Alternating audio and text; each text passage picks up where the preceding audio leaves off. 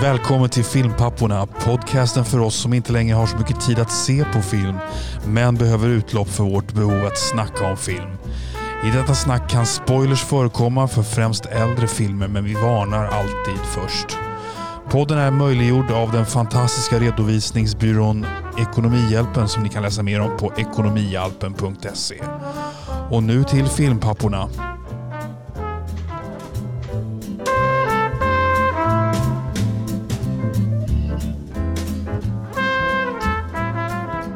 Har bra. Eh, förlåt, är rekordknappen på nu då? Rekordknappen är på. Jag tänkte säga att du har, eh, du har lite sådär uh, whiskyröst när du eh, jag kör det där introt Oliver. Ja, tack. Jag Ja. fick till det. Ja, du fick till det. Ja. Bra, bra, bra! Välkommen till Filmpapporna. Eh, och ett nytt avsnitt här där vi som vanligt eh, kommer köra lite filmfrågesport där. Jag kommer att slänga på dig en Tarantino-fråga till. Nu blir det lite mer... Ja. Ja. Vet du vad som är roligt är? Att Robert, det är så här, alltså vi gillar ju Tarantino både du och jag. Ja. Men jag tror ingen av oss har honom som så här topp fem av våra favoritregissörer. Men han är väldigt högt representerad i denna podd. Det är han ju faktiskt. Eh, Det är sant. Och det är väl så att det finns ganska mycket att prata om om honom. Jag menar, det Ja. händer mer om honom än vad Martin Scorsese säger. Liksom. Absolut. Mer drama, mer kommentarer, mer... Eh, filmerna är lite mer pratvärdiga kanske. Sådär. Ja. Ja. Ja. jag har faktiskt en eh, liten Spielberg-fråga till dig. En, en väldigt kort sådan. Oh, då ska vi se om jag kan knäcka den. Sen har vi en lyssnarfråga från eh, Mr Bordeaux. Jag tror det var Monsieur Bordeaux, men det var Mr Bordeaux. Jag tror jag har gått på den där tidigare också. Eh, Vår Ja, jag vet inte riktigt hur det här eh, namnet kom till, hur det blev Mr istället för Monsieur. Ja. Men, eh, Och det är en lite cringy fråga, så vi får se hur vi löser den. har du varit i Bordeaux? Eh, jag har inte varit i Bordeaux, tror jag säger, med lite osäkerhet. Jag har ju luffat runt lite Frankrike. Nej, det är, det är på västkusten där, eller hur? Högt upp på Ja, västkusten. Ja, nej. precis, ja. nej, det har jag inte. Ehm, och ehm, sen har vi lite nyheter. Eh, jag, jag kommer att ha med mig lite, lite gladia, gladiatornyheter här. Okej. Vad har du? Ja, jag eh, har en liten nyhet om Mel Brooks. Okej, Om du minns honom. det minns jag absolut. Jag hoppas, Ja. ja. jag hoppas inte att han är död, även om det, det, han gör ju inte så mycket längre. Så. Han kan vara död imorgon kan jag ju säga. Han- är väl 235 år eller sånt där. Ungefär ja. Han och Yoda. Och så har vi ett par trivialiteter på det där. Mm. Jag kommer att prata lite om eh, ruttna tomater. Ah, ruttna tomater. Ja, men det är intressant. Det ser jag fram emot att höra. Eh, sen ska vi recensera The Card Counter. Det är Paul Schrader, gamla Taxi Driver, manusförfattaren som har varit i farten med både manus och regi på den här. Och jag har varit och sett den på bio. Jag ser fram emot det faktiskt Robert. Jag har ju... Eh, vi har pratat mycket om Paul Schrader och jag sa ju i förra avsnittet att jag är ju... Det är en sån här regissör jag har haft stora förhoppningar på. Eh, men de har aldrig riktigt infriats. Man, man vill gärna att hans filmer ska vara bra. Men de har sällan varit det för mig. Eh, så det ska bli kul att se och höra vad du tycker om den här filmen nu. Ja, men det är coolt. Och sen avrundar vi med ett par rekommendationer. Så vi får se vad det blir då. Om jag nu inte rekommenderar The Card Counter vill säga. Vi får se var vi landar. Har du sett någonting eh, sen sist innan vi drar igång? Jag har sett lite grann av en film. Jag såg om den via datorn. Min son såg den i sin helhet, men vi var och såg den på bio i somras. Därför tänkte jag att min son Astor ska få komma hit och säga två, tre essäer om denna film. Lysande! Astor! Ja, Astor. Kliv in i handlingarna. Okej Astor, nu får du ta på dig hörlurarna och prata in i den här micken här. Kom. Hej och välkommen Astor. Nu ska vi se, vi ska sätta hörlurarna på dig. Prata in i micken. Ja. Hej och välkommen Astor! Hej. Hej Astor! Du, eh, jag hörde att ni hade varit och ni hade tittat på en film där som ni såg på bio. Får jag gissa? Är det här möjligtvis Raja och den sista draken? Nej. Nej! Vilken film är det som ni har tittat på Tom då? och Astor? Jerry. Tom och Jerry, ja just det. Och det är den Tom och Jerry när de är tecknade fast resten av världen är som vanligt, eller hur? Ja, Ja, just det. Så vad tyckte du om den filmen, Astor? den var bra. Vad var det som var det bästa med den? Eh, när det var action. Ja, när det var action, när det hände grejer. Det tycker jag också. Ja. Tycker du att de är roliga, Tom och Jerry? Ja. Ja. Var, var det någonting i filmen som du inte tyckte så mycket om? Eh, tror inte det va? Nej, okej. Och får jag då fråga, eh, för de som eh, lyssnar här, hur gammal är du Astor?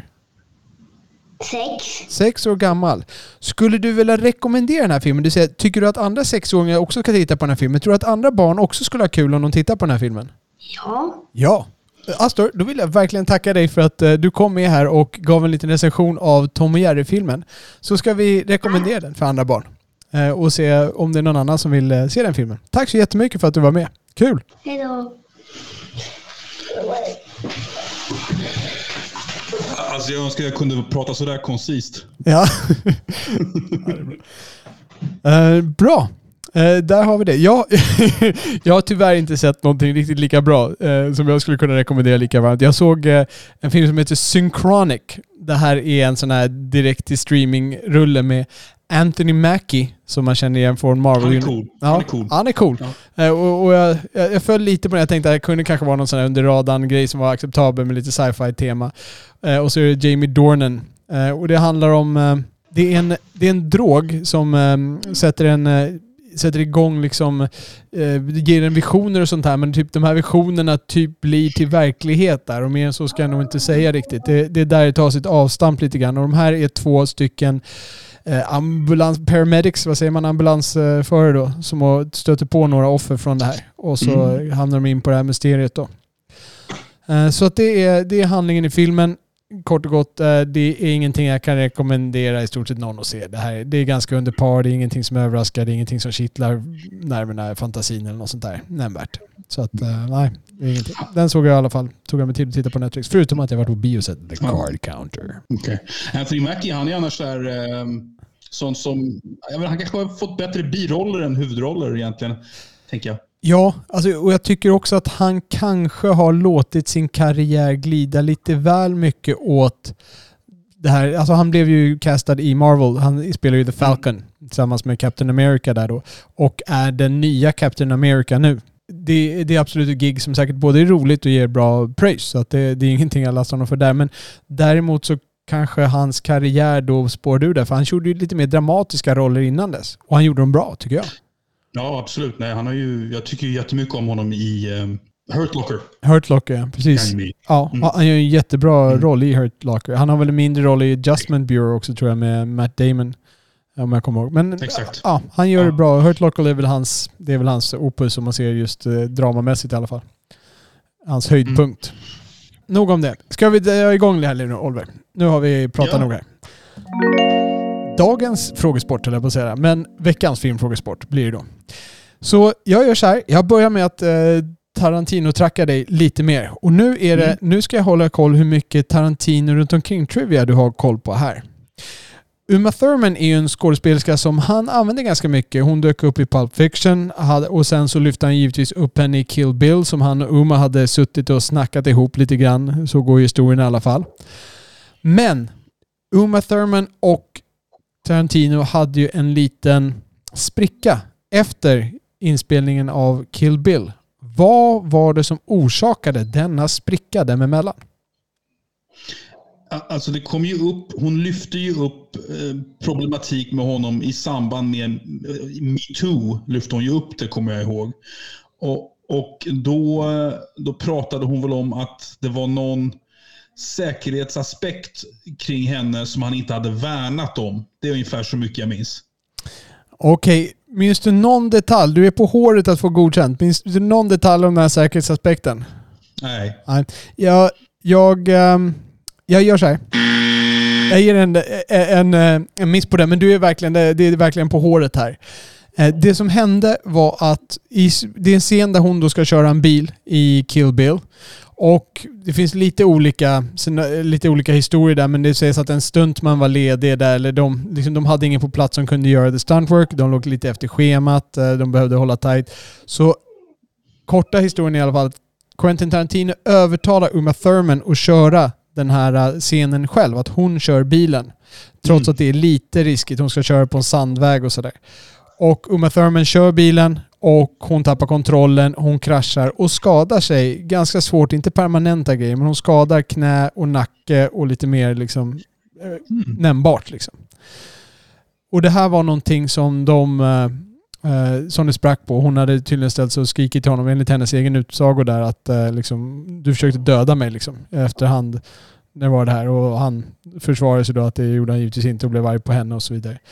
Han, eh, Tarantino har själv senare sagt i intervjuer att det här är en av de saker han, det, det är den saken han ångrar mest i sitt karriärsliv och kanske även en av de saker han ångrar mest i sitt privata liv av många olika skäl. Uttryckte han ungefär. Så det var det som orsakade sprickan mellan, mellan dem, just den här bilolyckan. Att det gick åt skogen där. Att han gick in och övertalade henne trots att det inte var så säkert som han fick det att låta. Mm. Enligt Uma i alla fall. Ja, Nej, så att, ehm, då vänder vi på stolarna. Nu ska jag få lite Spielberg sa du. Ja, eh, min korta fråga är Spielberg grundade Dreamworks 1994 ihop med två andra personer. Vad heter dessa? Geffen och Katzenberg. Jag måste ha förnamn också. Eh, Jeff Katzenberg? Jeffrey, ja. Jeffrey. Ehm, David Geffen. Ja, Yes. Och David Geffen skivbolagproducent, är han inte det? precis. Eh, eller var. Jag tror han har sålt allt. Han är, jag kollade hur mycket de här snubbarna var, var goda för för pengar. Eh, Jeff Katzenberg var god för modesta 900 miljoner dollar. Eh, Spielberg var uppe i 3,7 miljarder dollar, men han är fattig jämte David Geffen som var uppe på 10,3 miljarder dollar. Heck. Ja, eh, och en liten så extra quiz, rolig fråga. Vilket stort, riktigt stort band upptäckte David Geffen och signade innan de var det minsta kända? Oj. Ehm, det här har ju ingen som helst koll på. Är det Van Halen eftersom du ställer frågan? Nej, inte riktigt. Eh, Guns N' Roses. Guns N' Roses. Lustigt att min tanke for över dem av någon anledning. All right. Ja, där ser man. Ja, men eh, vad bra. Vi har eh, fått en eh, lyssnarfråga också. Och det är som sagt Mr Bordeaux. Varför säger vi inte Monsieur Bordeaux? Det borde vara Monsieur. Mr, du får förklara dig själv. Mr Bordeaux som är en av en mycket uppskattad kommentarslämnare där. För han brukar lämna lite kritiska och roliga kommentarer där. Han tycker bland annat att Hamsun ska få en tia har han kommenterat på vår hemsida. Jag gav den ju bara en nia. Precis, och jag tror jag gav den en, åtta när det begav sig. Ja, du ser. Då är du ännu större skurk än jag. Ja, verkligen. Ja. Hans fråga är, vilken filmscen är absolut mest cringe enligt er? Och cringe, jag vet inte om man skulle definiera det på svenska faktiskt, men det är, så här, det är ibland, ja, Ett ansiktsuttryck. ja precis, man cringear. Ja, ja precis. Ja, det, det är svåröversatt Det är väl- faktiskt. Kortfattat när, när det är en känsla av pinsamhet infinner sig. Ja, precis. Man vill inte se, nej, nej, nej, nej. Nej, Ja. nej. Och det är ju en ganska kul fråga för man kan ju vinkla den åt två håll. Man kan ju tänka sig att en cringe-scen är en scen där en kille bajsar på sig inför alla och att det är pinsamt. Men någonting säger mig att varken du eller jag har fokuserat på sådana grejer utan vi har fokuserat på när det är pinsamt gjort, översentimentalt, tramsigt och så vidare. Ja, och jag, jag måste säga att jag, jag har fokuserat lite på... Ja, vi får se. Jag, kanske har tolkat den lite annorlunda med måla, Alltså inte, inte mycket annorlunda. Jag tror jag har tagit med lite grann sån här där jag ryser, alltså nästan lite mer, jag cringear av att det är fysiskt eh, äckligt också. Alltså, Okej, intressant. Ja, Ja. All right. För det, Det det, trodde inte jag, jag trodde inte du var så känslig. Nej, och det, det är så här, jag satt nämligen och tänkte på sådana här grejer och, eh, och det, jag är inte säkert känslig, precis som du säger. Det är inte så jättemycket cringe, så jag har inte så jättemånga alternativ som cringear mig. Men det finns en gång, en enda gång i hela filmhistorien, då jag har stängt av en film av cringe. Jag stängde Okej. av scen och jag kommer inte ihåg om jag spolade fram eller om jag satte på och tittade bort eller vad. En enda gång har det hänt och det är, det är ganska nyligen. Det är de senaste fem Okej. åren eller tio åren i alla fall. Och, och detta är din vinnare som vi tar sist här nu? Det är min vinnare som vi tar sist ja. Okej. Ja. Bra, men du, ja, vi har ju bägge några contenders på vägen till våra vinnare, eller hur? Ja, absolut. Jag har, jag har en liten lista där. Ja, eh, jag kan ju börja med eh, att säga att vad, vad är det med USA och, och så här celebration av kärlek på fucking baseballarenor? Eh, jag klarar inte av sånt. eh, alltså på riktigt, alltså det här är två, två mycket bra komedier. Den ena är Never been kissed. Precis som slut-. Precis Ja. den jag tänkte på när du sa det. Ja. Ja, ja, men det, det är en, jätte, det är en jättecharmig eh, komedi, fast det är så här standard romcom. Den har några riktigt roliga skämt på vägen. Bland annat något när hon blir hög på en space cake och, och, och börjar dansa på någon klubb. och Vad det, är. det är en ganska kul film faktiskt och ganska gullig. Så här. Ja. Men det här när liksom, han ska proklamera sin kärlek på, på, på baseball, det, baseballarenan på, sl, på slutet. Det, det är cringe. Det är, det, är liksom så här, det är så standard cringe som det kan bli. Precis. Eh, och sen har du en till, precis likadan. Det är ju Anger Management, en av mina favoritkomedier. Eh, där eh, liksom det är en ka- liten katt och råtta-lek mellan Jack Nicholson och Adam Sandler. Och sen så i upplösningen så är bara allting helt stageat av Jack Nicholson. Och det slutar med att eh, Adam Sandler går fram och måste proklamera sin kärlek inför hela jädra publiken till Marissa Tomei. Och jag bara kände så här, nej lägg av, det här, det här är så dåligt. Det, det är så dåligt. Och det förstör en så rolig film i övrigt. Så du, du, ja, precis, du, du cringear då av att det är så dåligt valt. Alltså det är manuset nästan som får dig att cringea. Ja, Ja. Eh, ja, Ja. precis. Eh, det är sentimentalt och ja, allt vad du vill.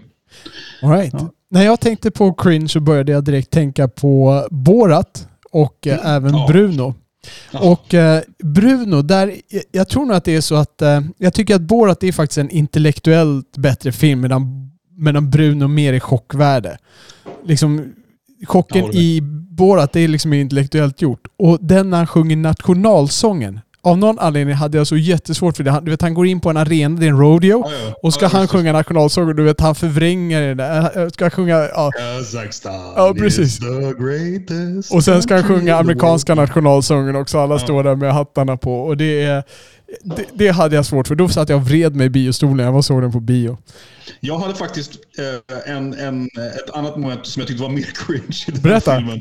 Och det, ja, det är det där när han, eh, när han är inbjuden till någon societetsfamilj i sydstaterna och han säger någonting i stil med “She's very pretty but your wife is not”. det Ja, precis! Han sitter vid det där bordet. Den är ju faktiskt, den är ju, den är helt, den är så här små, små cringe hela den scenen. Ja, ja, verkligen. Bara så, ja. Eh, Kommer du ihåg någonting från Bruno? Såg du Bruno? Jag får, är det inte någon scen när han typ, där han typ dinglar sin snopp upp och ner eller någonting sånt där i något jäkla move. Alltså den, den, som du säger, det är bara shock value. Ja. Och, jag, och jag känner väl bara så här, jag, jag tycker inte riktigt att... Jag har inte funnit, jag tyckte, alltså Borat som film är kanske den film jag har skrattat mest åt överhuvudtaget. Men jag tycker inte han har lyckats förnya sig alls nästan sedan dess uh, Sacha Baron Cohen. Jag. Nej, Jag gillar honom i hans vanliga spelfilmer. Eh, Ja. Där, där tycker jag han gör bra roller ofta. Ja, han är en begåvad man, men som komiker tycker jag han har spelat ut sin rätt nästan. Ja, det här, ja, lite grann. Han, det här nya när han gjorde samhälls, mer samhällskritiskt när han tog in de här vapenkillarna, då var det inte så mycket för komedin. Då var det nästan mer bara för att visa hur, de, hur skruvade de här vapenkillarna var. Det, det tyckte jag var okej, men det var ju inte samma... Det var Nej. inte samma park. Liksom. Nej. Men eh, vad har du med då? Jo, men sen så har vi ju, eh, det är svårt, han, eh, Monsieur Bordeaux eh, efterfrågar ju scener. Jag har ju ganska många filmer som är ganska cringe rakt igenom. Jag har lite svårt att identifiera någon specifik scen. Eh, Hilary Swank är ju en fantastisk skådespelerska, men hon har gjort en film som är cringe från början till slut och den heter Freedom Riders. Eh, där hon är en lärarinna som hamnar i någon gettoskola och ska inspirera eleverna. Och det, är- det är alla klichéer på vägen. Och det är been there, done that. Det är, bara också så här, det är, så, det är så dåligt. Och det, det sjuka är att jag kollade upp den här filmen. Den har ofattbara 7,6 på IMDB. Okej. Ja. Från vilket Eh, år var den sa du? 2007. 2007? Okej, hyfsat. Ja, eh, men det, jag har ganska många filmer. Sen har vi Wayne's World som är så fruktansvärt tråkig från början till slut att jag cringear. Det är så dålig humor bara. Okej, du är en av de styr- jag, jag, jag är, står med på din sida. Jag skulle inte säga att det är så dåligt så att jag cringear, men jag, skulle inte, jag håller inte den särskilt högt. Nej. Ehm, Får- sen... Ja, förlåt. Får jag fråga, jag tänkte på typ när de går in i Taxi Driver nu, om vi ska driva in lite Paul, Paul Schrader här. När, när han tar med henne på porrfilmen, tycker du att Ja. det är cringy? Ja, men det är faktiskt cringe. Där har du eh, en, en cringe scen jag skulle ta med som inte eh, liksom är en röd tråd med de andra grejerna. Där, där liksom, de skildrar någonting som är cringy. Absolut, Ja. det, det är mycket bra att du lyfter den faktiskt. Ja. För, för jag tänkte på det, jag, kom, jag kommer inte ihåg att jag cringeade då, men det här var ju också väldigt länge sedan jag såg den där. Det var så här, wow, kolla kolla porr Mm. liksom. Svensk porr, måste bara lyssna på det. Ja, nej, men det, är, det är en väldigt bra. Det är nog den kanske bästa, bästa förmedlingen av cringe jag kan komma Ja. på. Eh, men sen har vi pratat om 90-talsfilmer. Det finns en standardthriller med alla eh, klichéer som jag cringear över. eh, som heter Skenet bedrar på engelska. Eh, det är en film med Nicole Kidman och Bill Pullman och vem det nu är. Bara varenda kliché i handboken. Eh, Aaron Sorkin har fått cred för storyn, men han har inte skrivit manus. Så han är väl lite spared. Okej. Ja. Det, det, så du, man kan hitta temat där, precis som du säger. Du, du cringear när det är dåligt, klichéaktigt, liksom när de bara går in och kör det här standardgrejerna. Liksom. För mig är det, jag, jag tänker på en sån här scen som There's uh, something about Mary. När han Ja. drar upp blixtlåset du vet, äh, och fastnar med pungen eller snorren liksom, i blixtlåset. Du vet, det, då kryper hela mig. Jag kommer då cringeade jag ordentligt uh, Mm. i biosalongen. Ja, men det är sant. Nu när du säger det, det, det framkallar ju en fysisk cringe i ansiktet. Sådana där grejer. Jag har inte tänkt så mycket på sådana grejer, men det finns väldigt mycket att hämta ifrån sådana filmer också. Absolut. Så, ja. Sven, jag, vet inte, jag, tänkte, jag satt och botaniserade bland svenska filmer när jag skulle hitta svar till det här. Och det, är så här, det finns ju så otroligt mycket svensk film, eh, kanske ännu mer på tv, men även på film. Där de liksom, det är vissa eh, repliker som bara känns så onaturliga på svenska när de säger så här. Hur fan kunde du? Du är så jävla dum i huvudet. Men jag, men jag älskar ju dig för fan. Ja. Jag, kunde, jag, liksom, jag kunde inte hitta så många filmer, men jag kommer att tänka på den filmen jag har lyft i någon tidigare podd. Alltså hundtricken Ja. är, ju, det är ju cringe all over the place. Ja. Ja för mig är det så här, men åh, det men åh, rulla med ögon och ögonblick Ja, sådär. ögonen. Ja, Jesus. Ja, det ja, sånt där har jag jättesvårt för. Om man, om, man är, om man tittar på det fysiska, det är en film som du och jag såg tillsammans. När Ed Norton i American History X tar ut någon svart kille och lägger honom med, med munnen mot trottoaren och stampar honom i nacken. Den, den scenen, där var det verkligen, där, jag kommer ihåg att jag liksom, den, där, blev, där cringeade jag ihop eh, ganska, Mm. jag blev, ja, den, den Ja. berörde mig liksom. Utan man såg ju inte direkt det som hände utan man hörde väl bara. Men det, det räckte i min värld. Jag vet att nu, nu, nu när du börjar lyfta sådana där, där man cringear av liksom the pain av att titta på ren pain, så kommer jag faktiskt tänka på en annan film med, med Hilary Swank som ju är hennes genombrottsfilm, den här Boys Don't Cry. Ja, just det. Eh, där, har du sett den eller? Jag har inte det. Nej, men uh, Hilary Swank spelar ju en, en tjej som typ Ja, men som är, är någon slags, jag vet inte vad man kallar det för. Hon vill vara man, hon vill vara pojke, hon klär ut sig till pojke. Och hon hamnar i någon slags, eh, hon är mitt i någon redneck stat i Texas och blir utsatt för så jädra mycket övergrepp och elakheter av män. Och där satt jag och cringeade rejält. Där satt jag faktiskt och led med henne. Så, ja. Borde jag se den filmen? Ja, grejen är att jag tycker egentligen inte att det är en speciellt bra film. Eh, så att jag vet inte riktigt om jag kan rekommendera den. den, den. Hon är bra, men det finns bättre filmer med henne, tycker jag. Den var ju verkligen i ropet på sin tid. Ja, Ja. ja du Robert, ska vi, har vi betat igenom allting för att komma till våra cringe-vinnare nu? Eller? Jag tror att det är dags för cringe-vinnaren. Vill du eh, skjuta först? Absolut. Eh, jag hoppas jag inte trampar dig på fötterna här Robert. Men, eh, min vinnare är faktiskt Jerry Maguire. Jerry Maguire? Okej. Ja. Ja, du, du trampar inte mig på fötterna. Jerry Maguire, det är inte så att den ligger särskilt eh, varmt om hjärtat. Utan jag, jag, jag, Okej. jag, gillar Jay Moore bäst i den typ. Men vad, Okej. berätta, vad är det med, med eh, Jerry Maguire som är Nej, mest cringe-worthy? det, det är återigen det här amerikanska med, med att man ska proklamera sin kärlek inför en stor publik. Och det är den här scenen på slutet där när han kommer in till, Tom Cruise kommer in till Renée Zellweger och hon har sitt lilla tjejgäng och de har haft något syjunta eller något snack eller vad fan det är. Och så kommer han in där och säger, det är väl, det är väl då han säger det här you complete me, Ja. den one-liner som du gillar. Och jag, alltså jag, jag klarar inte av det, det, det är så sentimentalt. Jag, jag förstår inte det här. Liksom, Alltså i, i, det vanliga, I det vanliga livet, om du vill säga allt det där, då går du väl ut och säger det ensam till henne på balkongen eller någonting. Att, att göra det sådär inför alla andra med lite stråkar och skit, det funkar inte. Och faktum är att du pratar om det här att stänga av. Jag försökte eh, återbesöka denna scen på YouTube, Ja. men jag stängde av för att det var så cringe. Så du, du hörde inte ens när hon, hon har egentligen den bästa repliken. Stop it! You had me at hello! Okej, är det den? Ja. Nej, jag vet, jag stängde av där. Eh, jag tycker, ju, jag tycker eh, Jack, Jack Nicholson gör det på ett elegantare sätt i eh, As good as it gets. Liksom vid ett restaurangbord lite mer nedtog. Ja, lite mer depp. Ja, Deppstyle. ja, det kanske man skulle kunna säga, ja. Okej.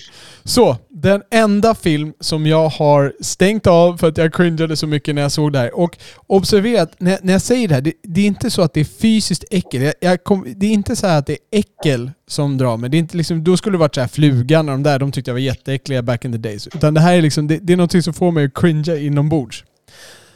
Och i det här fallet så är det Oldboy, den koreanska versionen. Eh, originalversionen där. Eh, och nu spoilar jag lite grann. På slutet så är det den här huvudpersonen då. Eh, han har fått reda på hela sanningen där och den här elakingen har, har satt liksom, hans spel då kommer fram bakom ridåerna. Och av en viss anledning så bestämmer, liksom så, för att han aldrig, för att han ska ta sitt straff där och för att det inte ska hända honom så, här, så ska han klippa av sig sin tunga. Så han tar tag i sin tunga, drar ut tungan och eh, tar fram en sax för att klippa av sig sin egen tunga. Då var jag tvungen att stänga av. Jag har någonting, jag har så svårt med att man pillar med tungor. Alltså jag, då, då cringear jag så in i baljan alltså. Nej, det, den stängde jag av. Jag stängde av den, jag tror jag spolade fram eller hoppade fram och tittade bort den, men jag satte på den igen eller någonting och sen uh, fortsatte därifrån. Det jag kan inte se, det, det kryper i mig bara nu när jag sitter och pratar om det. Ja, det, det är någonting. Och det, liksom, den, den har förtjänat den scenen också. Hade det bara varit så här, hostel eller någonting sånt där, då, då hade det bara varit ah, sådär. Men den här, den här förtjänar liksom den scenen. Um, Nu vet, jag, nu vet jag jag ska pranka dig Robert. Jag ska... tugga son of a bitch. Ja. ja. Så att, eh, där fick jag lite gratis cringe också. Ja, intressant. Den där filmen har jag velat se. Den ska ju vara bra för övrigt. Oldboy. Ja. Ja, sådär. Jag, jag, jag, jag tror inte du skulle tycka han var så fantastisk. Nej. Ja, Okej. det är underhållning, men det är inte mycket mer än så. Ja. Men tack Mr Bordeaux. Det var en väldigt kul fråga. Ja, det var en jättekul fråga. Och eh, för er övriga som vill lämna någonting kan ni lämna dem eh, på Twitter. Gå in på filmpapporna, lämna en eh, direktkommentar där eller lämna, skicka ett tweet bara. Ni kan också lämna kommentarerna på vår hemsida. Går ni bara in, gå till ett avsnitt, lämna en kommentar där så suger vi upp det. Och de som lämnar och får sin fråga uppläst får belönas med en eh, biocheck. Så vi kommer skicka en biocheck till Monsieur Bordeaux som jag vill säga istället för Mr Bordeaux. Coolt. Och med det så glider vi över till veckans filmnyheter. Ja. Har du något om Alec Baldwin denna vecka eller? Nej, jag har ingen nytt på Alec Baldwin. Jag har inte noterat något nytt där. Jag gjorde Okej. en liten search här för någon dag sedan. Okej. Men däremot så har jag någonting nytt om Ridley Scott. Mm. Ridley Scott har ett manus färdigt för Gladiator va? Ja, Gladiator tvåan. 2. Ja, jag tyckte också jag såg det. Ja, hur i... Alltså, jag, jag har ju hört att den här... Det var ju på tal redan då när det här begav sig. Det var ju 2004 Gladiator ifrån. Eh, och eh, då, då skulle det vara en uppföljare och då skulle han... Antingen, det var snack om en prequel. Det var snack om att han skulle komma tillbaks för att gudarna ville stoppa honom vid porten eller någonting skulle Russell Crowe komma tillbaks.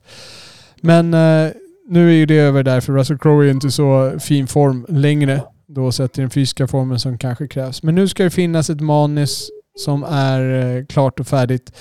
Eh, och det, det är väldigt bra manus enligt Ridley Scott då. Så man, vad är liksom storyn? Är det en prequel om uh, Joaquin Phoenix karaktär? nej, alltså det, det säger, de avslöjar inte så mycket. Det Ridley Scott säger här, jag kan läsa citatet. Oh it's been written, it's already been written. We've got a good footprint, a good lo- uh, logical place to go. You can't just do another gladiator type movie. You've got to follow. There's enough components from the first one to pick up the ball and continue it. Så någon typ av fortsättning kommer det vara på den historien. Men de avslöjar inte mycket mer än så. Så att nu ska de uh, rycka igång det. här. Alltså han producerar ju, säga vad man vill om Ridley Scott, men han producerar ju så in i baljan mycket alltså. Mm. Ja, alltså han får saker att hända. Ja, så det var det.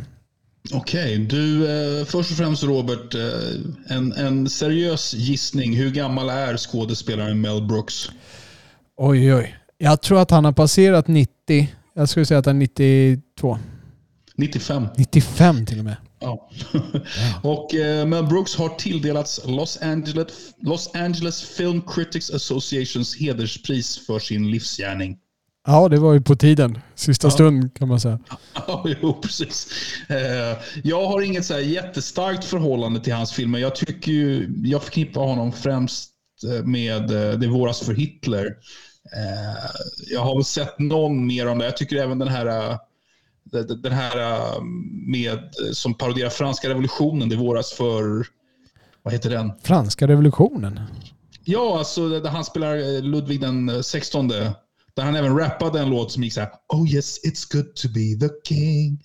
Ooh la la. Vet du vilka jag menar eller nej? Jag känner igen It's good to be the king. Men att han har gjort den på franska revolutionen, det har gått mig helt förbi i så fall. Okej, men vad, vilka filmer av honom gillar du då? Eller som minns du? När jag växte upp eh, var det ju eh, Det våras för sheriffen och Spaceballs. Eh, vad heter den på svenska? Det våras för rymden. Ja, och sen Det våras för Frankenstein. eh, Den, det är väl hans eh, bästa, tycker jag, idag. Och jag tyckte jättemycket om den då också, även om då tyckte jag Spaceball var fantastiskt. Jag har ju tappat lite intresset för den här prutt-humor- prutt och snopp-delen av hans humor. Som det Mm. blev mycket mer av på senare år. Hans första filmer är lite mer intelligenta skulle jag vilja säga. Eh, Mm. Det våras för stumfilmen tyckte jag också mycket om. När den begav Ja. sig. Mm. Ja, nej men eh, kul att han fick det här innan han coolar imorgon kan vi säga. Ja, ungefär. Ja. Men det är bra, det, det har han förtjänat. Han har, han har gjort ett avtramp tycker jag. Alltså, Mel Gibson är, han, han kan gå med hatten högt. Mel Gibson Mm. säger. Mel Brooks. Ja, men eh, någon som eh, punchar hårdare än Mel Brooks, det är Rocky.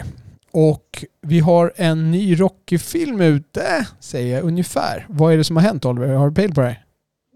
Creed, alltså du pratar inte om, du pratar om Creed 2 nu eller? Eh, nej, det gör jag inte. Jag pratar om Rocky 4. De har ju nämligen gjort en ny... De har gjort en Ultimate Director's Cut på den.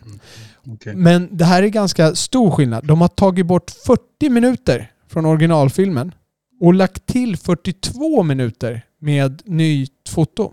Alltså inspelat gammalt alltså, men eh, foto som inte tidigare varit med.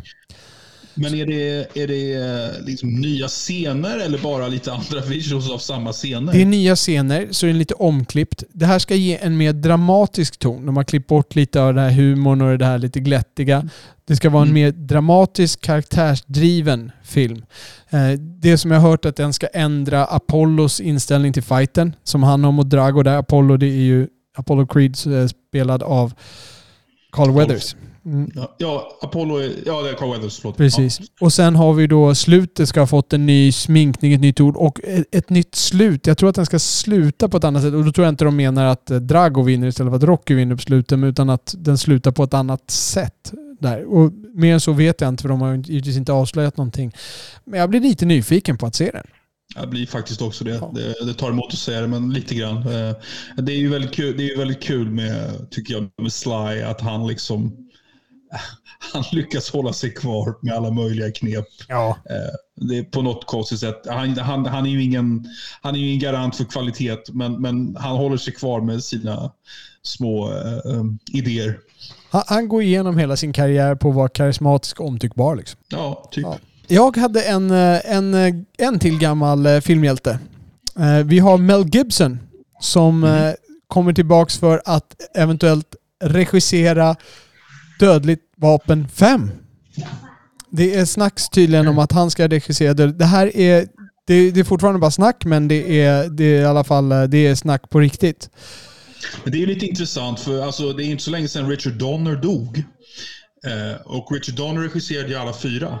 Ja, precis. Och tydligen så ska Donner ha, ha haft för avsikt att göra en till Dödligt vapen och nu ska då Mel Gibson plocka upp manteln i lite snacket här. Okej. Eh, och han Ja. hoppas att få med Danny Glover för en, eh, en till eh, vända. För en spottstyver. Ja, exakt. Jag kommer ihåg när fyran kom. Att, ehm, att, att Mel Gibson fick då ungefär så här 25 miljoner dollar, vilket var astronomiskt mycket då, 1998. Det är ju astronomiskt mycket även idag. Och att Danny Glover fick så här 1,2 miljoner. De, de, fick, de fick avrundningen på Mel Gibsons lön. Det fick Danny Glover. Ungefär. Ja, Ungefär. Ja det, det är hårt. Ja. Men fair enough, det, det ligger väl en viss, eh, viss sanning bakom det där. Sett till deras star power. Men du vet ingenting om vad den ska handla om och vilka andra som ska med mer än Danny Glover? Nej, någon, Nej. någon, jag tror han hette Daniel Wenk höll på att skriva, Richard Wenk höll på att skriva manus på den där. Eh, Så att det, det är lite okänt vad det är. Men då skulle alltså Mel Gibson regissera, få ett manus av Richard Wenk och sen är det Danny Glover med i alla fall. Sen försöker de väl rycka liv i så många av de där. Jag vet inte, Chris Rock var ju med i den sista och spelade Danny Glovers svärson. Mm. Och sen eh, har vi ju givetvis... ehm, eh, vad heter han? Joe Pesci? Joe Pesci som Ja. eh, har, eh, har varit med sedan vad tvåan är det väl? Ja, kanske René Russo också. Jag vet inte om hon är med sedan tvåan, eller vad det? Ja, man kan skaka Ja. liv till henne. Men eh, jag måste erkänna att det här det, det, det lär ju bli skit. Men jag är ändå lite entusiastisk om det ändå är en så begåvad regissör som Mel Gibson.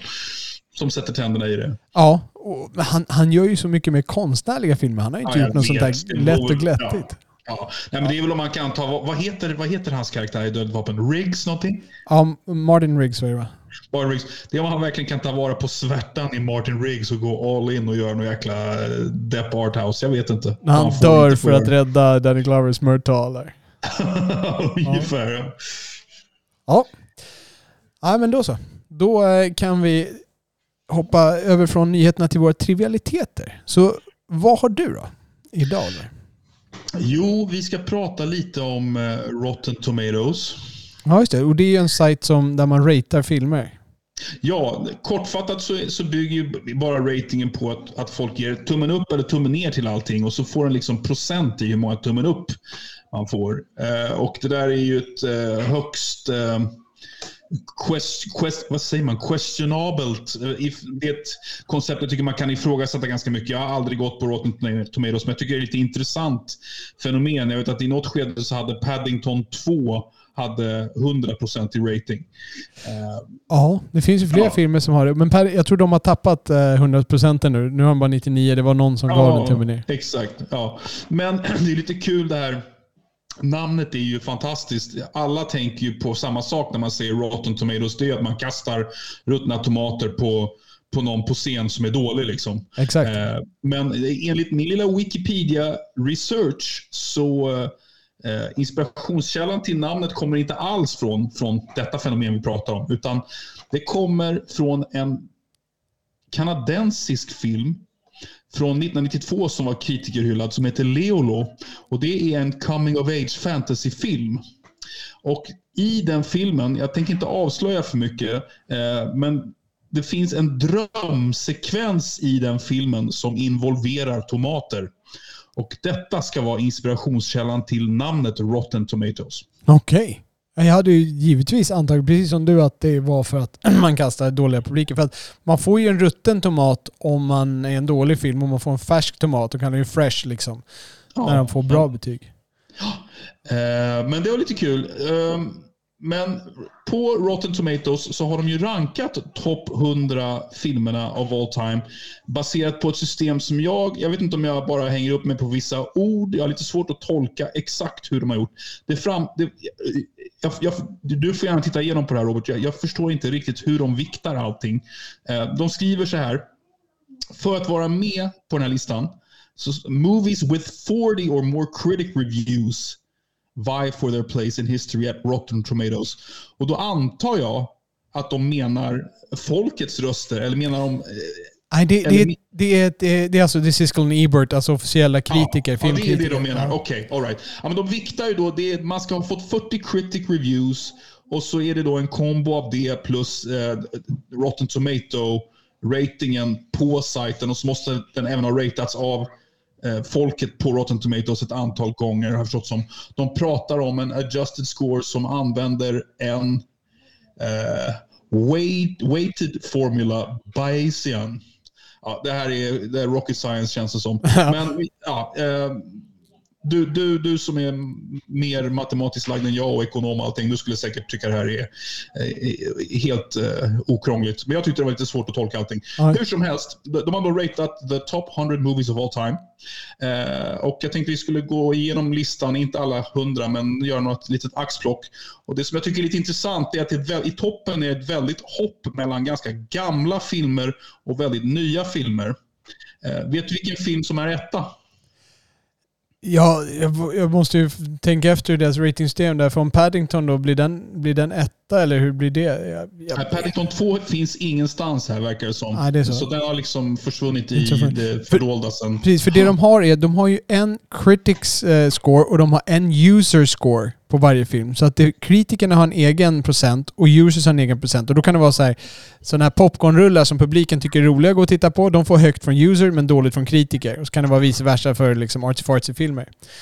Eh, så att eh, Jag, jag, har faktiskt ingen aning om vad som kan ligga etta här. Då, det här är då aggregatet av de där två som du snackar om.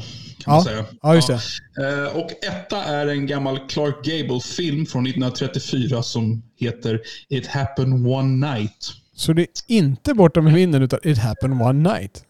Mm. Eh, Okej. Borta med vinden kommer långt ner här. Eh, Jag har inte ens sett den hittills. Nej. Tvåa kommer Moderna Tider med Chaplin. Oj, det är gamla rullar alltså. Ja, eh, och It happened one night har då 99% rating, 98% på Modern Times. Trea är Trollkarlen från Oz, 1939. Den här filmen med eh, Judy Garland. Okej. Eh, sen kommer, så här, mitt out of the blue känns det som, så kommer på fjärde plats kommer Black Panther. Va? Okej. Alright. Ja. Ah, Okej. Nej, men jag vet, det här är ju, det är ju en, alltså, jag vet inte, det, det är kul med, med att det är så huller om buller allting. Black Panther 96% kommer då före Citizen Kane på femte plats. Ja. Eh, sjätte plats Parasite, sydkoreanska filmen som du inte var så förtjust i. Exakt. Eh, sjua Avengers Endgame. Alright. Ja. Åtta Casablanca. Ja, det är en bra film. Ni, ja, nio Knives Out. Knives out. Ah, Ja. Jesus. Alltså förtroendet för den här, den föll rakt med Black Panther och, och sen med Knives out. Jag har ingenting emot Black Panther, det är en bra film. Men det är, det är inte ens den bästa Marvel-filmen i mina ögon. Och, Nej, nej och- det, är, det, är- det, är helt, det är lite småbisarrt där. Eh, tionde plats Us från 2019. Minns du den? Ja, just det. Ja, det är ju Jordan Peele-filmerna. Jag har inte sett den ännu, men... Nej. eh, ja. El, Ja. elfte plats Toy Story 4. Ja. Ja, det, det, det, det här känns, eh, det känns, som, det känns som en tombola liksom. Bra, Ja, man slänger ner bra rullar i en tombola. tombola och slänger upp det på en vägg liksom. Det var det. Då ska jag ta med dig på lite rälsgrej. Jag har en ganska kort grej, men jag, jag hittade en eh, anekdot som jag själv inte visste om och kände som att det borde ha legat i min där. Om du kommer ihåg Indiana Jones and the Temple of Doom. Den andra Indiana Jones-filmen som släpptes, men som faktiskt utspelade sig före den första. Då kan ju han i Indien där och kommer ner till ett palats och så nu visar det att där under palatset så finns det ett stort gruvsystem där de har en massa barn som de tvingar åt slavarbete. Och han, för, att befria de här barnen går han ner och det blir lite fighter och det blir action där. Och sen en av grejerna de gör är att de åker på en eh, rälsjakt där nere. De åker, det är sådana gruvvagnar som de åker i. Och de blir då jagade av de andra och det är då fighter på de här gruvvagnarna och de hoppar och de gör allt möjligt, alla möjliga konster på det här. Det är en ganska kul, eh, ganska kul sekvens i det där. Men den här sekvensen var egentligen tänkt att utspela sig i Raiders of the Lost Ark, den första Indiana Jones-filmen. När de är vid den här utgrävningsplatsen. Eh, när de håller på och gräver fram det här eh, Ark of Co- Covenant. Vad heter det på svenska? Ja. Eh, där skulle de alltså ha haft den här eh, tågjakten egentligen. Men på grund av budget och tidsbrist så var de tvungna att klippa bort den. Och istället kom det med i Temple of Doom. Det här är Spielberg själv som har berättat i en intervju. Jag kan länka till den intervjun i avsnittsanteckningarna för de som vill kika. Eh, Det här hade jag ingen aning om och jag kan inte tänka mig att den hade passat särskilt bra i Raiders of the Lost Ark. Det, för att den här, alltså Temple of Doom har ju en lite annan ton än den där. Den är ju lite mera, den är lite mer serietidning än vad Raiders of the Lost Ark är. Ehm, men ja, så det- jag måste säga att det låter ju som att det var ett bra beslut. Jag hade säkert tyckt att det var världens bästa film även med om det hade varit mer än där. Eh, Det vill säga Raiders of the Lost Ark. Men eh, just nu Det så i efterhand känns det som att det var ett bra beslut att inte med den där. Men det är ju intressant. Så, ja, ja, så då, okej. Så vi gjorde den här lilla scenen och den funkar inte. Och då bygger vi en ny film och splicar in den. Exakt. Alltså det är ju otroligt vad, vad mycket improvisation, eller vad man ska kalla det för, som förekommer på den här nivån. Alltså improvisation är väl fel ord, men... Ja, jag förstår precis vad du Ja, menar. men liksom, ah, okej, men då, hur, hur gick de tillväga då när de skrev den här Temple of the Doom? Okej, Okej, vi har världens coolaste eh, banescen. Då, då bygger vi en film som liksom stoppar in det naturligt på något sätt. Ja, jag kan, jag kan Ja. tänka mig att det är så här. De hade gjort den där scenen va, och tycker att den är så jäkla kul. Det här skulle vara så jävla coolt att göra den här scenen. Och sen bara hann vi inte med det. Vi fick inte ihop det liksom. Och då sitter vi med den här scenen och skulle vara så jävla ball. Ja, då, då, då, då tuttar vi in den här i nästa film. Hittar vi lite ursäkt att sätta in den här i nästa rulle liksom. För att det är coolt. Publiken kommer gilla det här liksom. Det här kommer vara en säljande scen. Eh, Men kommer du, kommer du att slå på Temple of the Doom och titta efter kontinuitetsfel mellan filmen och denna åkscen. Men lå, låt mig då klargöra alltså att Ja. de, spelade, de spelade inte in scenen för Raiders of the Nej, Lost Ark. förlåt, förlåt. Okej. Den var okej, bara scriptad till Raiders of the Lost Ark. Ah, okej. Ja, ja. Nej, förlåt. Jag missförstod det. Jag trodde de faktiskt hade spelat in den när det begav sig. Men att de inte hade spelat in tillräckligt eller vad det var. Men jag missförstod dig. Ja, Okej. Nej, precis. Nej, den var bara scriptad och så använde de den istället där. Det var bra att vi klargjorde det. Mm. Eh, ja, men topp. Då eh, tar vi och lämnar våra trivialiteter och nu är det dags för...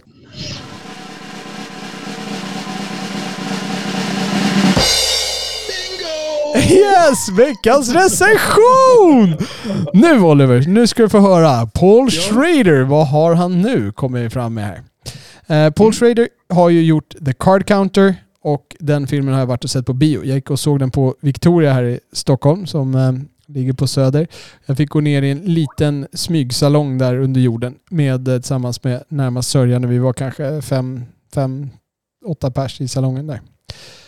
Eh, Det handlar om en korträknare som titeln avslöjar. Och korträknare det är ju när om du spelar blackjack. Om du kan räkna korten som ligger i skorna, man räknar liksom hur många tior och hur många småkort som har kommit.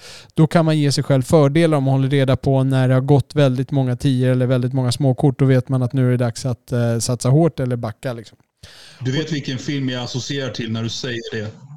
Du associerar till Rain Man? Ja. Ja, okej. Rain Man gör ju det mycket riktigt. Han kommer ihåg alla kort liksom i, i, eh, i full detalj. Och han räknar väl ut oddsen själv i huvudet också. Eh, men han är, han är inte bara kort, han är gambler generellt. Han lever på att eh, spela på kasinorna där, inklusive räkna kort. Och det är spelat av Oscar Isaac, som man känner igen från Star Wars lite annat.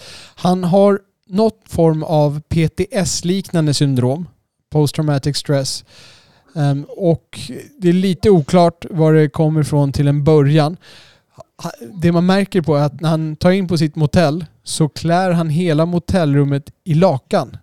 Han, alltså han plockar bort detaljerna liksom, och så klär han lakan. Sängen, lakan över sängen, över bord, över stolar, över allting. Liksom. Så sitter han där i sitt rum och, och kan jobba och sover där. Liksom.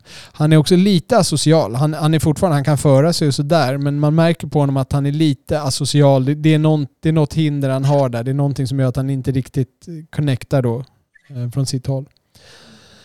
Och det som händer där till en början, den här spelaren, är att han går på en, eh, på ett, han är på ett kasino där de har någon så här säkerhetsmässa. Och då är det någon major där som ger ett fördrag och han går in och tittar på det här eh, fördraget där. Han, de, han berättar om sin senaste säkerhetsprototyp och det, det är en major spelad av William Dafoe. Sen han sitter och tittar på honom och tar sig en resa och går därifrån. Då är det en ung kille som ger honom ett telefonnummer och säger att du känner igen honom, eller hur? Jag vet vem du är liksom. Eh, ring mig sen. Så han, ja, han det är tveksamt att ta med sig det där telefonnumret och gå därifrån. Och därtill så är det en, um, en tjej som träffar honom liksom lite i samma veva och frågar om han vill gå med i deras stall. Hon, hon, liksom samlar, upp, eh, hon samlar liksom spelare och sånt där som hon kan backa med insatser och då kan de spela på lite högre nivå. Han håller sig på ganska lågt, han vill hålla sig under radarn och bara tjäna sina pengar liksom så han klarar sig för, för nu. Liksom. Men hon vill försöka lyfta upp honom och han tackar nej där.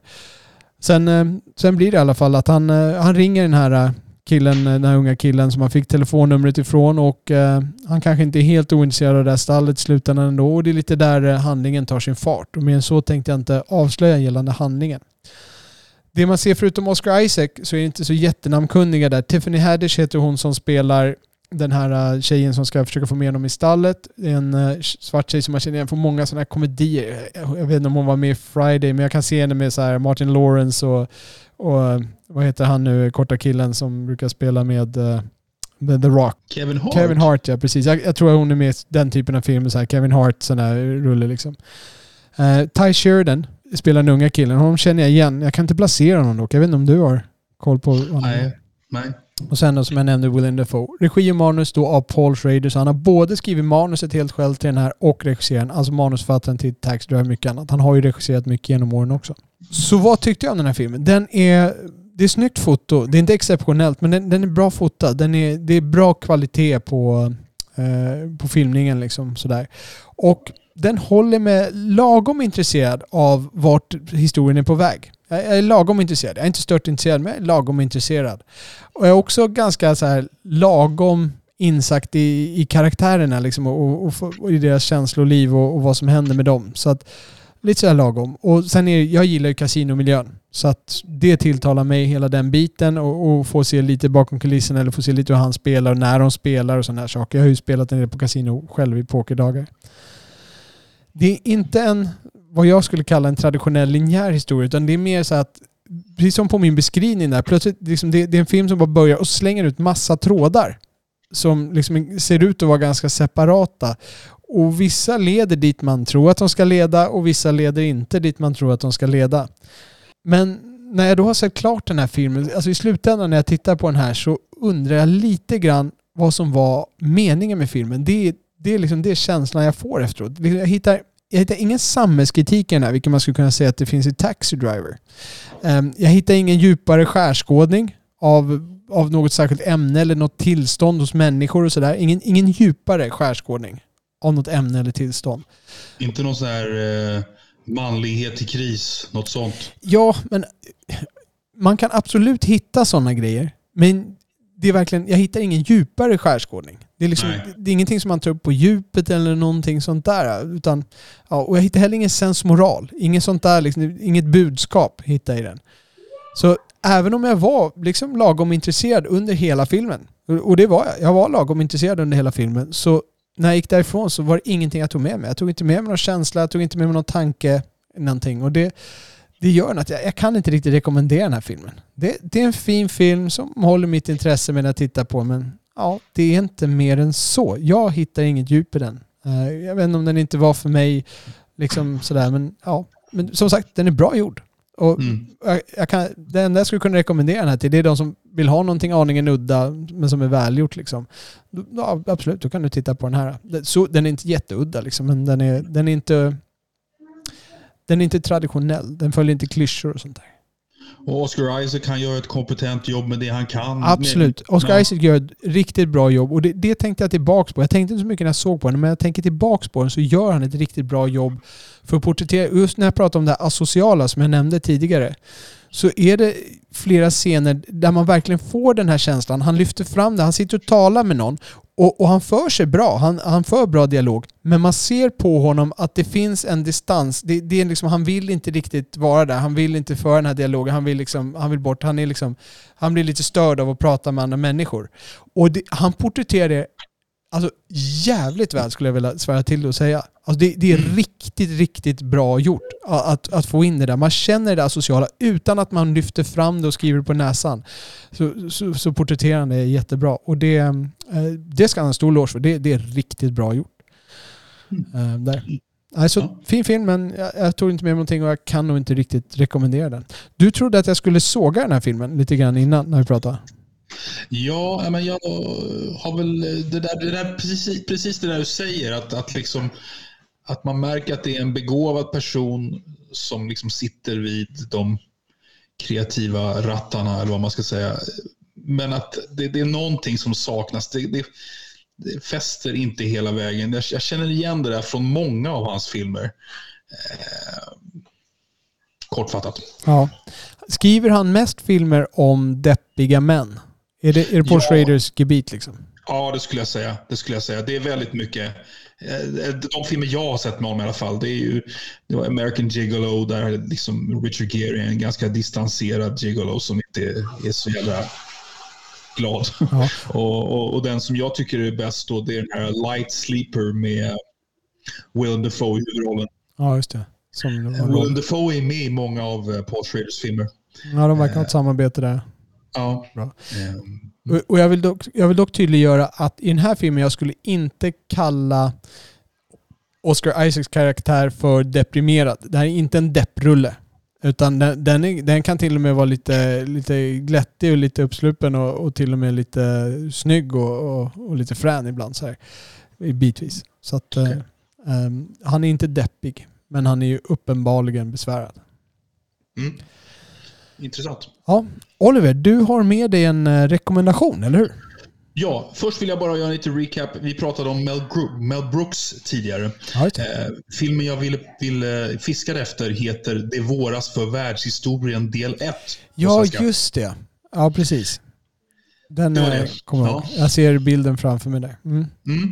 Eh, men min rekommendation är faktiskt... Eh, fick lite idén från det, det du snackade om i förra avsnittet när du nämnde Sergi Lopez som den bästa eh, bad guyen på film i Pans labyrint. Ja. Och jag reagerade på namnet faktiskt. Jag tyckte det här namnet känner jag igen och så googlade jag upp honom och så kom jag på att det här är en sån här skådis jag har sett i ganska mycket franska filmer. Eh, ja, han, han pratar franska liksom med, med brytning eh, och så. Jag vet inte vad hans uppväxt är men han, han, han, han agerar på, ganska mycket franska filmer också. Eh, och då kom jag att tänka på en fransk film som på svenska heter Harry, en vän som vill dig väl från år 2000. Eh, där han är en väldigt creepy, stalkeraktad, stalkeraktig karaktär. Eh, det handlar då om eh, en Michelle som har fastnat i ett lite halvtråkigt eh, familjeliv med tre barn och en fru och de är på semester någonstans och söks upp av den här Harry som visar sig känner Michelle från eh, gymnasietiden och är smått besatt av honom.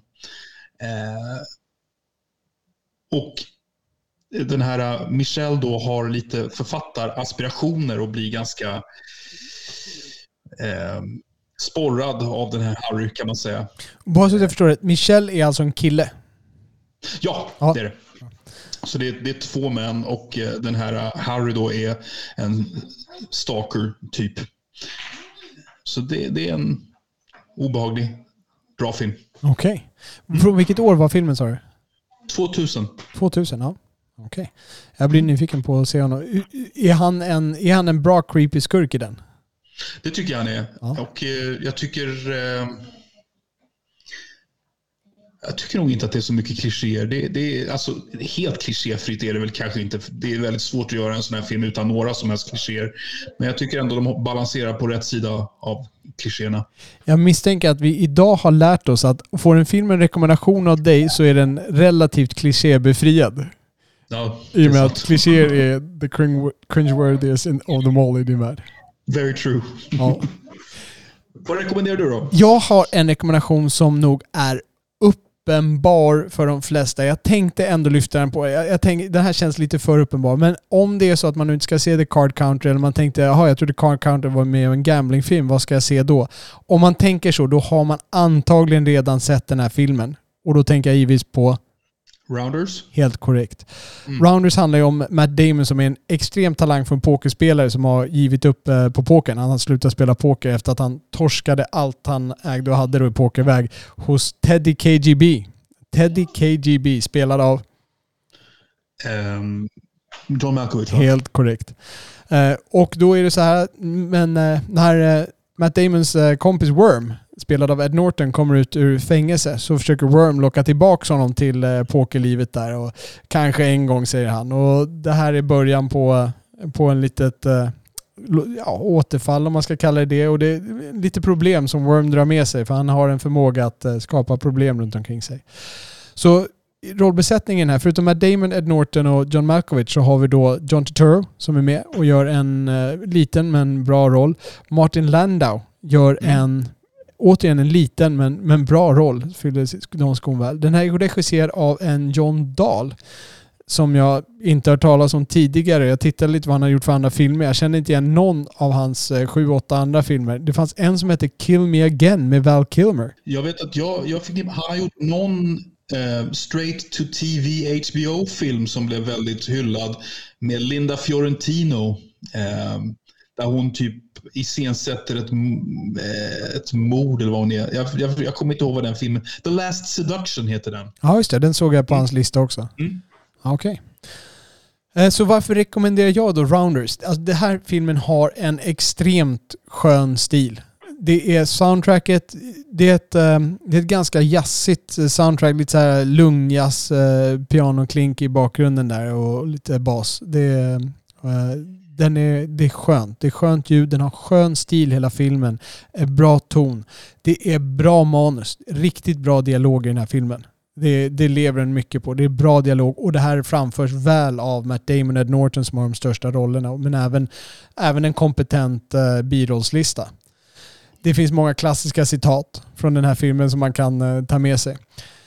Det är bra porträtteringar rakt igenom. Eh, och det ger en precis vad man söker efter ett gambler-drama, som tycker jag. Liksom det, det, är ett, det är ett drama liksom och det, ja, den slår på alla grejer utan att gå in på klichéerna för hårt. Den gör det här bra.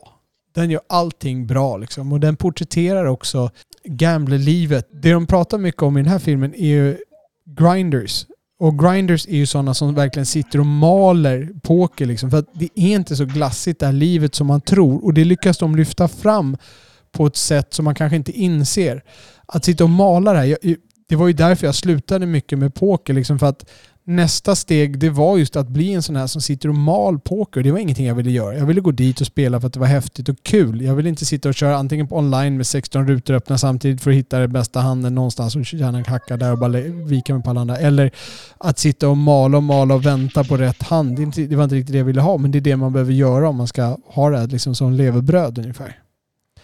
Jag minns, den, den scen jag minns bäst från den där filmen, jag har ju bara sett den en gång, det är ju...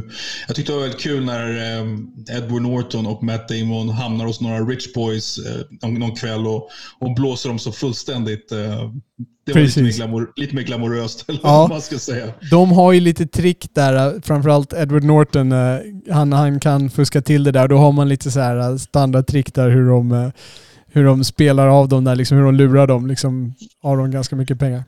Alltså att det, ja, det, det finns mycket i den här filmen att hämta. Det är kul att se. Det är framförallt kul att se om man är intresserad lite av gambling eller poker. Eh, framförallt poker då. Den, den, den porträtterar poker ganska väl. Det, det, det finns lite av det här att det är filmpoker, men de tonar ner det ganska mycket.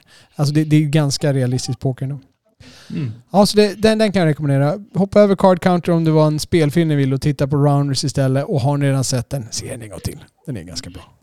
The Cincinnati Kid med Steve McQueen, har du sett den? Jag vill säga ja, men jag är osäker på om jag ljuger då. Nej, jag tror inte jag har sett den. Det är väl en sån här kultfilm inom pokersammanhang, Ja, tror jag. det är det. Men det är väl lite mera filmpoker i den. Men den- ska också vara riktigt bra. Jag undrar om inte jag har sett den. Jag, jag tror jag blandar bara ihop det med de där gamla filmerna. Eh, Okej. The Sting eh, är ju också en film. Där lyfter Harmy Poker lite grann som en, i en scen. Där när han sitter och Mm. spelar. Men de lyfter fram det på ett roligt där. Det är gammal femkortspoker. Då. All right. ja. Bra! Då har vi dagens avsnitt klart. Vad kommer nästa gång? Då kommer vi få en gäst från Utomsockens. Eh, vi kommer få en eh, annan liten eh, podcast. Så det är alltså inte en gästvärd, utan det är en gäst som kommer att vara med oss. Vi kommer för första gången vara tre på podden, om man inte räknar med när Robert P... Nej, det är vi inte alls det för tusan. Vi har ju redan varit det. Vi har ju redan haft en podd med Dog, Douglas. Och kört det. Så att det blir andra gången som vi blir tre stycken. Och sen har vi ju haft, Robert P har ju ringt in några gånger. Så att vi kommer ha en gäst på nästa avsnitt. Och eh, det är en gäst som själv har haft lite radio slash poddbakgrund. Så det ska bli spännande att höra lite från honom. Han har lite, som jag, som jag uppfattat honom i alla fall, har han en 80-tals fetisch. Eh, lite grann när det kommer till både film och, och kultur. Så det ska bli jättespännande att få prata och lyssna lite mer med honom. Det låter jättekul. Och vi har också fler gästvärdar på gång och till julen så håller vi på och eh, planerar att göra lite temaprogram där med topplistor och lite annat tema. Så får vi se där. All good. Bra. Så med det är det dags att knyta ihop säcken. Om ni har någonting att eh, kommentera eller korrigera från dagens avsnitt, gör det i avsnittskommentarerna på filmpapporna.se, vår hemsida. Ni kan också följa oss på Twitter där vi är @filmpapporna. Och med det så tackar vi den superduper eminenta redovisningsbyrån Ekonomihjälpen där jag sitter och kokar in i deras konferensrum för de har skaffat sig en eh, värmarkamin här inne. Och eh, jag tackar dig Oliver för att du kom hit och lekte med mig idag igen. Tack så mycket Robert. Och vi tackar våra lyssnare. Ni som gör det.